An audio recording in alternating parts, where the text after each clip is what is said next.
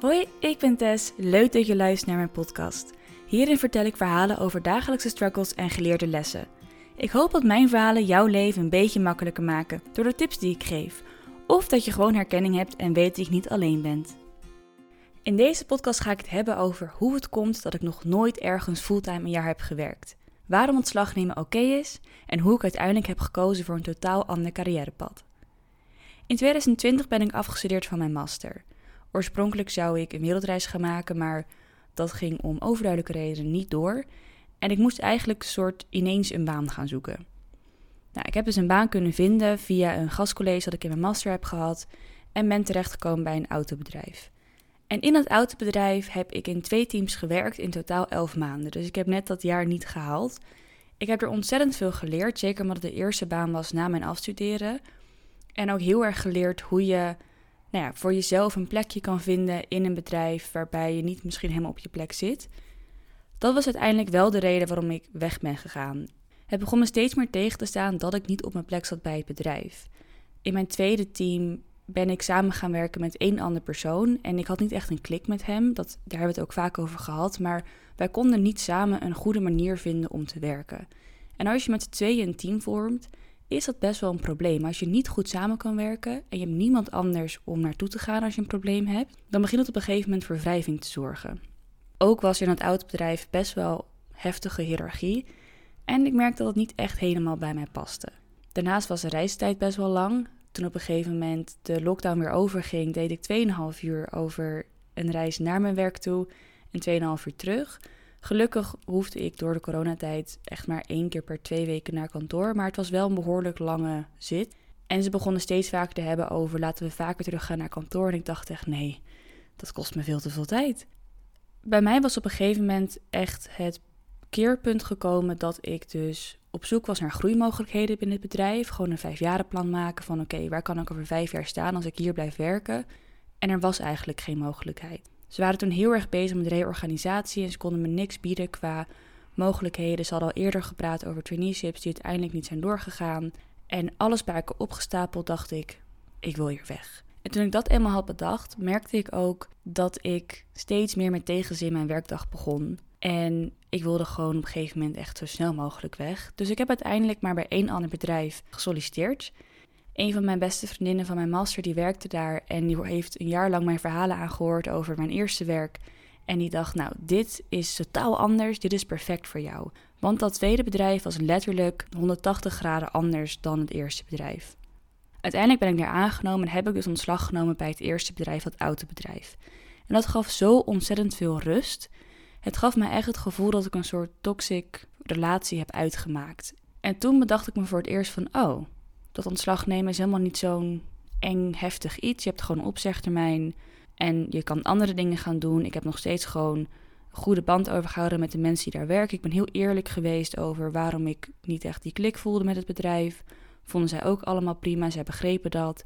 Niet iedereen past in een bedrijfscultuur. Het is natuurlijk een cultuur dat gemaakt is voor een bepaald soort mens. En gewoon niet elk mens past daarin. Dus dat ging eigenlijk hartstikke goed. Wat ik alleen achteraf gezien beter had kunnen doen, is dat ik veel te snel weg wilde. Ik wilde niet per se ergens naartoe, als in ik ging niet naar een nieuwe mogelijkheid toe of naar groei toe. Ik wilde alleen maar weg van mijn huidige situatie. En dat heeft ervoor gezorgd dat ik niet zo goed onderzoek heb gedaan naar wat ik eigenlijk wil. Ik wist alleen maar wat ik niet wilde. Dus ik ging gewoon een totaal andere kant op. Ik ging letterlijk alles wat het eerste bedrijf, wat het oude bedrijf niet was, ging ik zoeken. En dat vond ik bij mijn tweede werkgever, een marktonderzoekbureau. Dat bedrijf waar ik het over had, waar mijn beste vriendin werkte, nu nog steeds werkt. En daar ging ik dus aan de slag. En er was vrijwel geen hiërarchie. Ik had een ontzettend leuke klik met mijn collega's. Het werktempo lag ook een stuk hoger, ook omdat er dus gebrek was aan hiërarchie en bureaucratie. En alles was gebaseerd op analyses. Als marktonderzoekbureau maak je natuurlijk al je beslissingen op data en op statistieken. En het was totaal anders dan het oude bedrijf, waarbij de beslissing toch vaak genomen werd door de persoon die het hoogst in de rang stond. Uiteindelijk ben ik hier ook na elf maanden weggegaan. Ook bij het marktonderzoekbureau heb ik niet het jaar gehaald om daar fulltime te werken. En dat kwam eigenlijk omdat deze werkomgeving weer andere triggers bij mij oproepte die ook niet goed bij mij pasten. Bij dit bedrijf moest je eigenlijk altijd aanstaan. En dat betekende dat je soms tijdens je lunch chat kreeg, dat je soms snel even met je broodje half opgegeten naar de laptop liep om een overleg bij te wonen. Overwerkte gebeurde regelmatig. Ik heb ook heel bewust mijn dansles die ik twee keer per week doe in mijn agenda gezet, zodat ik dan kon zeggen ik kan dan niet iets doen na werktijd. En dat is ook een omgeving waarbij sommige mensen echt heel erg goed werken. Je gaat echt met z'n allen, ga je ergens voor, je gaat knallen, je hebt een deadline, je werkt hard samen en je doet het vooral met elkaar. Daarnaast lag het werktempo heel erg hoog. Urgent betekende echt binnen een uur moest iets af. We werkten voor hele grote corporates die gewoon echt wel met het principe tijd is geld werkten. Dus alles wat sneller af kon, dat moest sneller af. En daarnaast voelde ik me eigenlijk constant niet slim genoeg. Er werken zoveel slimme mensen bij dat bedrijf. En ik ben zelf niet dom. Maar ik heb soms moeite om dingen snel te begrijpen en om snel te schakelen tussen dingen. Dus ik heb vaak gewoon wat meer tijd nodig om dingen goed te kunnen doen. En als ik die tijd krijg, dan zal ik ze ook echt heel erg goed doen. Maar als die tijd er niet is, dan ga ik fouten maken. En dit resulteerde dat ik uiteindelijk een soort imposter syndrome kreeg. Dat betekent dat je dus het gevoel hebt dat je nou ja, een bedrieger bent, dat je eigenlijk niet deze baan verdient, maar je doet het wel. Dus je gaat maar een soort proberen er iets van te maken. Ik heb het wel allemaal volgehouden, elf maanden lang, omdat ik zulke leuke collega's had, die echt precies begrepen waar ik doorheen ging. Ook al hadden zij niet dezelfde moeite met de dingen, zij begrepen wel waar het vandaan kwam, omdat dat marktonderzoekbureau ook weer een werkcultuur had dat goed werkt voor een bepaald soort mens en dus niet voor een ander soort mens. Ik heb ontzettend veel goede vrienden gemaakt bij dit bedrijf. Ik zie zeker tien van hen zie ik echt nog regelmatig. En zij werken met zoveel passie en liefde voor dit bedrijf. Hun manier van werken is dat zij die druk moeten voelen en dan gaan ze echt door en dan presteren ze goed door. Zij kregen een kick als een goede prestatie geleverd was, terwijl ik alleen maar blij was dat het voorbij was. En ik was eigenlijk al bezig met wanneer het volgende project voorbij was. Ik was alleen maar aan het kijken naar wanneer was het voorbij en kon ik weer even rust nemen. Maar de rust kwam er niet. En toen kreeg ik ineens besef van misschien ben ik helemaal niet gemaakt voor het bedrijfsleven. Want ik word niet gelukkig van aan grote deadlines werken die dan volgens veel geld opleveren en heel erg knallen en zo snel mogelijk af en bedrijven adviseren om hun prijzen te verhogen terwijl ik zelf het leven al zo duur vind. Er kwamen ook een paar morele dingen naar boven. Ik dacht, ja, wil ik nou ervoor zorgen dat corporates nog meer geld verdienen? Of wil ik iets doen waarbij ik echt denk, ik draag iets bij in de samenleving? Waar dit vandaan komt en waar deze twijfel vandaan komt van, oh, misschien ben ik toch niet geschikt voor het bedrijfsleven, komt vooral door mijn opleiding. Ik ben echt opgeleid om CEO te worden. Tijdens mijn opleiding, ik heb bedrijfskunde gestudeerd naar de marketingmanagement aan de universiteit, werd er echt in bijna elk college gezegd: jullie zijn de toekomstige CEO's. Jullie zijn de toekomstige top van het bedrijfsleven. Jullie gaan veel geld verdienen en jullie gaan succesvol zijn waardoor er een zaadje in mijn hoofd is geplant dat je alleen succesvol bent als je die CEO-titel hebt en als je aan de top van het bedrijfsleven staat en als je veel geld verdient. Maar ik besefte dus dat ik helemaal niet gelukkig word van dat soort dingen. Ik word gelukkig van op de bank een boek lezen, lekker wandelen met mijn moeder in het bos, tijd nemen voor mezelf. Ik word dus gelukkig van dingen die rustig zijn, die op een rustig tempo zijn, die op mijn eigen tempo gaan en ik merkte dat als jij meer uren werkt, je minder tijd hebt voor dat soort dingen. Dus hoe meer ik werk, hoe minder tijd heb ik voor dingen waarvan ik echt gelukkig word. En toen dacht ik, dit klopt niet. Dat is niet de balans die je leven zou moeten hebben. Dus ik moet op zoek gaan naar een soort baan dat mij ook die rust geeft, waar ik gelukkig van word. Nou, dit betekent natuurlijk niet dat ik een hekel heb aan werken. Ik vind werken heel erg leuk, maar wel als het op een manier kan waardoor ik dus geen stress krijg, waardoor ik het gevoel heb dat ik iets bijdraag aan de maatschappij en waar ik echt op mijn eigen manier kan werken en ook mezelf kan zijn. Dus wat mijn tips zijn, en ik zal tijdens het geven van die tips voorbeelden geven van hoe ik hierover na heb gedacht, is dat je ook kijkt naar de praktische kanten van een baan. Dus niet alleen naar wat is de inhoud, want werk is meer dan de inhoud. Ik geloof echt dat de omgeving waarin je werkt meer invloed heeft op je gevoel over je baan dan dat de inhoud dat doet. Met leuke collega's kan je werk dat je niet leuk vindt makkelijker volhouden dan leuk werk dat je moet doen in een stomme omgeving met geen leuke collega's en een cultuur dat ongezond voor jou is. Dus als je kijkt naar het praktische gedeelte van werk, heb je drie dingen waar ik in ieder geval over heb gedacht. En de eerste is heel simpel reistijd. Bij mijn eerste baan in het autobedrijf was het 2,5 uur heen, 2,5 uur terug. Dus ik was vijf uur per dag, naast acht uur per dag werken, onderweg. Dat is een hele lange dag. en dan heb je geen tijd voor de dansles, voor de wandeling, voor het stoppen van je huis of überhaupt om thuis te eten. Ik had als ik naar kantoor moest heel vaak onderweg. Bij mijn tweede baan, bij het marktonderzoekbureau, deed ik anderhalf uur van deur tot deur heen en anderhalf uur terug. Was al een stuk beter, maar het zorgde er wel voor dat ik echt een hele dag naar kantoor moest. Ik kon niet even heel makkelijk heen en weer een ochtendje werken of een middagje daar werken. Ik moest echt wel, als ik naar het kantoor ging, dan ging ik om zeven uur mijn huis uit en was ik om half acht terug. Dus had ik wel zoiets van: oké, dan kan je niet echt meer iets leuks gaan doen daarna. Of je hebt niet echt ruimte om ja, nog andere dingen te doen. Dus voor mij was dan heel erg van: mijn dag was dan weg. Dus toen dacht ik, wat ik het liefst zou willen en wat ik in mijn huidige baan heb, is dat ik binnen een half uur op kantoor ben. En ik ben ook niet afhankelijk van het openbaar vervoer. Wat ik heel erg fijn vind. Sommige mensen vinden het heerlijk om met openbaar vervoer naar werk te gaan. Want je kan in de trein kan je nog even wat werken. Of je kan een boekje lezen. Of je kan even tot rust komen. Even wakker worden. Met je koffie bijvoorbeeld. Ik vind het persoonlijk erg lekker om niet afhankelijk te hoeven zijn van bepaalde tijden wanneer de trein vertrekt. Dus ik kan gewoon gaan en weer terugkomen wanneer ik dat wil. En ik zou eventueel ook op de fiets kunnen. Met een elektrische fiets doe ik er ongeveer drie kwartier over. Dat is voor mij heel erg belangrijk. En ik denk dat het goed is om voor jezelf te kijken: wat vind ik een fijne tijd? Ik zeg niet dat je ook naar een half uur moet streven. Anderhalf uur was ook prima. Maar kijk daarin vooral van wat is voor jou haalbaar en wat vind jij prettig. Dat moet je soms ook gewoon eventjes uitproberen. En misschien kom je daar op een bepaald moment achter dat je baan zo leuk is dat die reistijd niet uitmaakt. Het is ook niet het grootste prioriteit. Maar als je op zoek gaat naar een nieuwe baan, is het wel iets waarvan ik zeg: denk er even over na. Want het helpt ook namelijk je ratio. Noem het een ratio?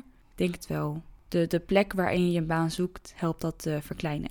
Het tweede onderdeel, wat praktisch is qua werk, is de werkcultuur. Daar vallen heel erg veel dingen onder. Ik heb het dan over relaties met collega's, hiërarchie en beslissingen nemen, overwerken, flexibele werktijden, thuiswerken. Dat zijn best wel veel dingen, zeker als het je eerste baan is, waar je misschien nog niet echt een antwoord op hebt. Maar kijk dan bijvoorbeeld naar ja, wat voor dingen vind je leuk in je bijbaantjes of in je werkgroepen? Vond je leuk om mensen samen te werken of merk je, ik het toch eigenlijk wel prettig om alleen te werken? Wat ik heel erg merkte in alle punten die ik net opnoemde, zijn de volgende. Relatie met collega's. Ik vind het heel erg leuk om het gezellig te hebben met collega's, maar ik heb er wel graag een grens in tussen werk en privé. Bij het eerste bedrijf, autobedrijf, had ik helemaal geen band met mijn collega's. We zagen elkaar een paar keer per week op een teamsmeeting en dat was het. Bij het tweede bedrijf had ik zo'n goede band met mijn collega's dat ik, wat ik al zei, tien van hen nog steeds mijn beste vrienden zijn en elkaar echt heel vaak zien. Dat kwam ook omdat het een heel internationaal bedrijf was. Dus heel veel mensen zijn naar Nederland gekomen als expat. Dat heeft als resultaat dat zij vaak geen familie hebben in dit land. En dat dus zij, zeg maar echt het bedrijf, de collega's, dat wordt hun familie in Nederland. Dus ik merkte dat ik best wel vaak het gevoel had dat ik dan mijn collega's te vaak zag. En ook dat ik op een gegeven moment met een manager die mij dan wat negatieve feedback had gegeven. En de volgende dag kreeg ik dan een uitnodiging om bij haar thuis te eten. Dat ik een beetje moeite had met oké, maar ik snap dat feedback niet per se dat ik jou dan stom vind. Maar ik wil eigenlijk graag ook gewoon met, met mijn vrienden die niet met mijn werk te maken hebben, over mijn werk kunnen praten. Dus ik merkte zelf dat ik graag toch wel een grens wilde hebben tussen werk en privé. En inmiddels heb ik dat gevonden. Ik ben heel gelukkig in mijn huidige baan. Waarbij ik inderdaad hartstikke gezellig met collega's aan het kletsen ben. Ik kan ook praten met ze over dingen die me dwars zitten, zowel privé als werk. Maar ik zie ze niet als ik in het weekend ben. Donderdag stop ik met werken, begin ik maandag weer en dan, dan gaan we weer verder. En dan praten we even over het weekend en dan is het werkleven gaat weer door. Dan de hiërarchie en beslissingen nemen.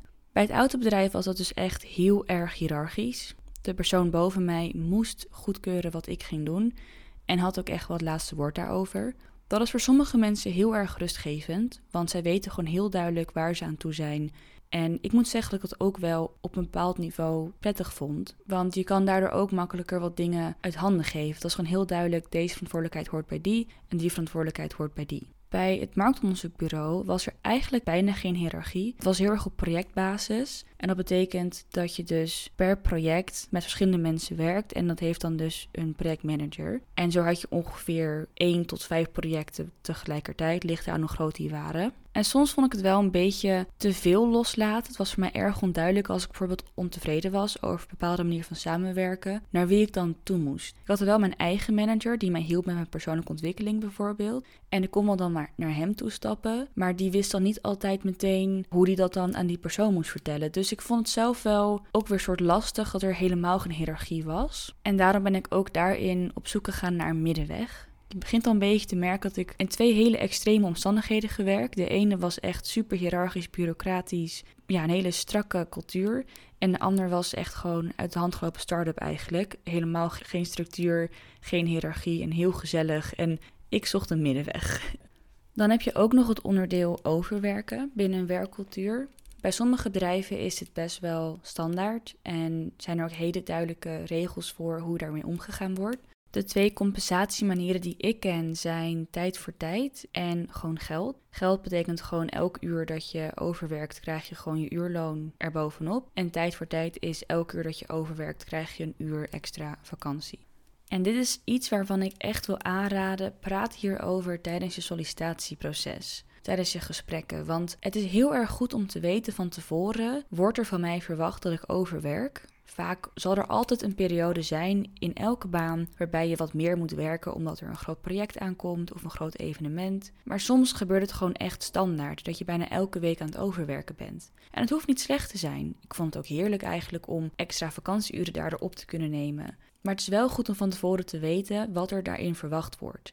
Daarnaast heb je ook nog, dat heb ik niet eerder genoemd, maar je hebt ook nog een vorm van uren schrijven en vertrouwen. En het klinkt heel gek, als je uren schrijft hebben mensen nog steeds wel vertrouwen in je. Maar op projectbasis werken betekent vaak dat je uren moet schrijven op een bepaald project. En dat betekent dus ook dat je heel goed kan bijhouden hoeveel uur je overwerkt. En dat je exact kan zien waar je recht op hebt. En de vorm van vertrouwen is dat je eigenlijk gewoon zelf in de gaten houdt hoeveel uur je hebt overgewerkt en hoeveel je daar nog voor compenseert. Dus dan ben je daar iets flexibeler in. Ik heb het zelf allebei gedaan. Op dit moment werk ik op basis van vertrouwen. En dat past beter bij hoe ik werk. Want ik ben nogal iemand die heel erg, hoe moet ik het zeggen, een hele gevarieerde focus, nee, aandachtspanning heeft. Dus hele gevarieerde focus en aandachtspannen. En ik heb daardoor dagen dat ik echt gewoon tien uur lang aan het focussen ben. En heel lekker in een flow zit. En dan gewoon zelf bepaal, ik ga nu door, want ik zit er nu lekker in. En ik heb dagen waarbij het echt helemaal niet lukt. En dan ben ik al trots als ik gewoon vijf uur lang meetings heb gehad. En dan ben ik er doorheen. Dus daarin zou ik aanraden om even te kijken voor jezelf of jij behoefte hebt aan de structuur en het houvast van het schrijven van uren. Of dat je ook liever meer dat vertrouwen hebt. Wat daar wel een nadeel is aan het vertrouwen, dat je ook niet goed kan bewijzen hoeveel uur je hebt overgewerkt. Dus er moet wel echt een vertrouwensband zijn, ook met je manager, dat dat dus goed komt en dat je daar goed over kan praten. En het overwerken staat dus best wel gerelateerd aan flexibele werktijden. Ik heb dus net al gezegd dat ik soms heel veel werk op een dag en soms heel weinig. Ik werk zelf momenteel 36 uur, 4 keer 9. Dus gemiddeld werk ik 9 uur per dag. Dat doe ik 4 dagen per week. Heel veel bedrijven in het bedrijfsleven staan dit niet toe. Die hebben echt op contractuele basis 8 uur per dag. En het komt naar mijn mening ook wel omdat er vaak overgewerkt wordt. Dus als er al 9 uur staat op een dag, dan wordt het wel echt sneller 10 uur. En dat wordt wel echt heel veel. Dus ik zou ook voor jezelf kijken van wat vind ik prettig. Wil ik 40 uur werken? Wil ik 36 uur werken? 32 uur? Als ik dan parttime werk, hoe wil ik dat indelen? Wil ik 4,5 dag werken? Wil ik om de week een dag vrij? Wil ik vier dagen werken? Dat is iets wat echt heel erg ligt aan wat jouw bedrijf aanbiedt en wat jij prettig vindt. Ik heb zelf, werk ik van maandag tot en met donderdag nu en dan ben ik vrijdag, zaterdag, zondag vrij. En voor mij persoonlijk voelt dat echt als de oplossing voor 99% van mijn problemen, want ik heb een extra dag weekend. Ik woon in mijn eentje. Ik heb in mijn eentje een huishouden te runnen. Ik heb een sociaal leven. Ik wil graag sporten. Ik wil ook graag tijd voor mezelf. En dat past op, op een gegeven moment gewoon niet meer in twee dagen. Aan de andere kant geeft dit wel een beperking aan hoeveel uur ik heb om te werken. Dus soms merk ik wel in een week van, oh, had ik nou maar een extra dag. En dat kan dus weer dan met het overwerken kan je dat compenseren. Dus dat is een beetje een ervaring die je moet opdoen. En ook gewoon met de manager bespreken in een sollicitatieproces. Wat is er mogelijk? Wat zien zij voor zich? En ga het eens proberen. Dan heb je nog het laatste stukje thuiswerken. Dat is natuurlijk heel erg nieuw eigenlijk voor heel veel bedrijven. Ik heb zelf nog nooit gewerkt buiten een coronatijd, fulltime dan zeg maar, op een stage na. Dus ik ben niet gewend om vijf dagen per week naar kantoor te moeten en ik zou niet weten hoe ik dat in hemelsnaam zou moeten doen, want ik vind thuiswerken heerlijk. Ik heb ook vriendinnen die thuiswerken helemaal niet prettig vinden, die zich totaal niet kunnen concentreren thuis, die echt gezelligheid van collega's missen, die de motivatie en de drive van mensen om hen heen missen en dus het liefst zo vaak mogelijk op kantoor zijn. Dit is natuurlijk een ontzettend persoonlijk iets. Ik kan daar niet echt heel veel tips voor geven, behalve kijk bij jezelf. Als je nu studeert, waar studeer jij het beste? Ga je dan ook liever naar huis? Ga je dan liever naar de bibliotheek, naar een cafeetje? Dat zegt denk ik al best wel veel over wat voor jou een ideale omgeving is om goed werk te kunnen leveren. En op basis daarvan kan je ook overleggen van oké, wat is het maximale de aantal dagen dat ik thuis mag werken? Hoeveel dagen moet ik naar kantoor? Hoeveel dagen kan ik naar kantoor? Etcetera. Ik ben zelf één dag in de week op kantoor, soms twee, maar minimaal één. En de rest van de week werk ik thuis. Thuis werk ik gewoon het beste, kan ik me het beste concentreren. Heb ik lekkere spullen, een heel groot scherm, lekker bureau, fijne stoel. En dat heb ik niet heel erg op kantoor. Maar ik vind het wel belangrijk om een band met mijn collega's te hebben en daarom ga ik wel naar kantoor. Dan zijn we bij het laatste punt aangekomen van het praktische gedeelte van werk. Dat is het werktempo. Ik heb het eigenlijk al eerder gezegd. Je hebt langzaam en je hebt snel. En daar heb je natuurlijk van alles tussenin. Persoonlijk werk ik liever in een langzamer werktempo. En er zijn mensen, en die mensen zijn ook mijn beste vrienden, die dat verschrikkelijk vinden. Die zouden zich echt helemaal opvreten bij het idee dat je soms wel drie dagen op een antwoord moet wachten. Ik moet eerlijk zeggen dat ik dat soms ook ontzettend frustrerend vind. Dat ik denk, nou, dit antwoord kost misschien twee seconden. Stuur even een antwoord. Maar over het algemeen vind ik dat fijner, want ik krijg daardoor ook de vrijheid om drie dagen te wachten met antwoord geven. En dat is voor mij eigenlijk de reden waarom ik zo op mijn plek zit in mijn huidige baan. In mijn huidige baan is er genoeg rust en ruimte om de tijd te nemen om dingen goed te doen en het op mijn eigen manier en tempo uit te zoeken. En voor mij is dat zo ontzettend waardevol. Wat ik al eerder heb gezegd, ik ben iemand die soms wat langzamer is met dingen oppakken. Ik moet even dingen laten bezinken, het eventjes opnemen, het even extra uitzoeken en dan kan ik echt heel goed werk leveren. Maar als je mij te veel gaat haasten, dan ga ik in de stress raken, dan weet ik niet meer wat ik moet doen en dan heb je eigenlijk niet zoveel aan mij. Dus ik ben iemand die heel erg baat bij langzaam werktempo. En ik vind dat zelf best wel iets wat een beetje een stigma heeft, want het zijn vaak hele zware, logge bedrijven. Dus de hiërarchie en het werktempo zijn vaak wel gerelateerd met elkaar. Dus het is wel goed om even te kijken van oké, is het dan ook heel erg groot en log? En ligt het maken van een beslissing echt alleen maar bovenin? Of heb ik ook de vrijheid om dat te doen? Dus het is goed om tijdens het sollicitatiegesprek daar ook een beetje naar te vragen van oké, waar ligt het nemen van een beslissing? Hoeveel verantwoordelijkheid over het nemen van beslissingen krijg ik? Wat is de gemiddelde tijd dat jullie aangeven als iets urgent is? Dat vind ik zelf een best wel goede maatstaf van hoe hoog een werktempo ligt. Wat betekent bij jullie urgent? Is urgent binnen een uur? Is urgent einde van de werkdag? Of is urgent einde van de week? Dat is voor mij een goede indicator geweest in mijn huidige baan ook, om aan te voelen hoe snel snel eigenlijk is. En het geeft daardoor ook wel een goede indicatie wat mensen eigenlijk verwachten en hoe lang van tevoren mensen een heads-up nodig hebben. Er zitten altijd voor- en nadelen aan een bepaald werktempo. Hoger betekent snellere antwoorden, snellere doorgang, maar ook vaak meer stress en meer druk. Lager betekent langere antwoorden, lang wachten, veel herinneringen sturen, maar ook meer rust.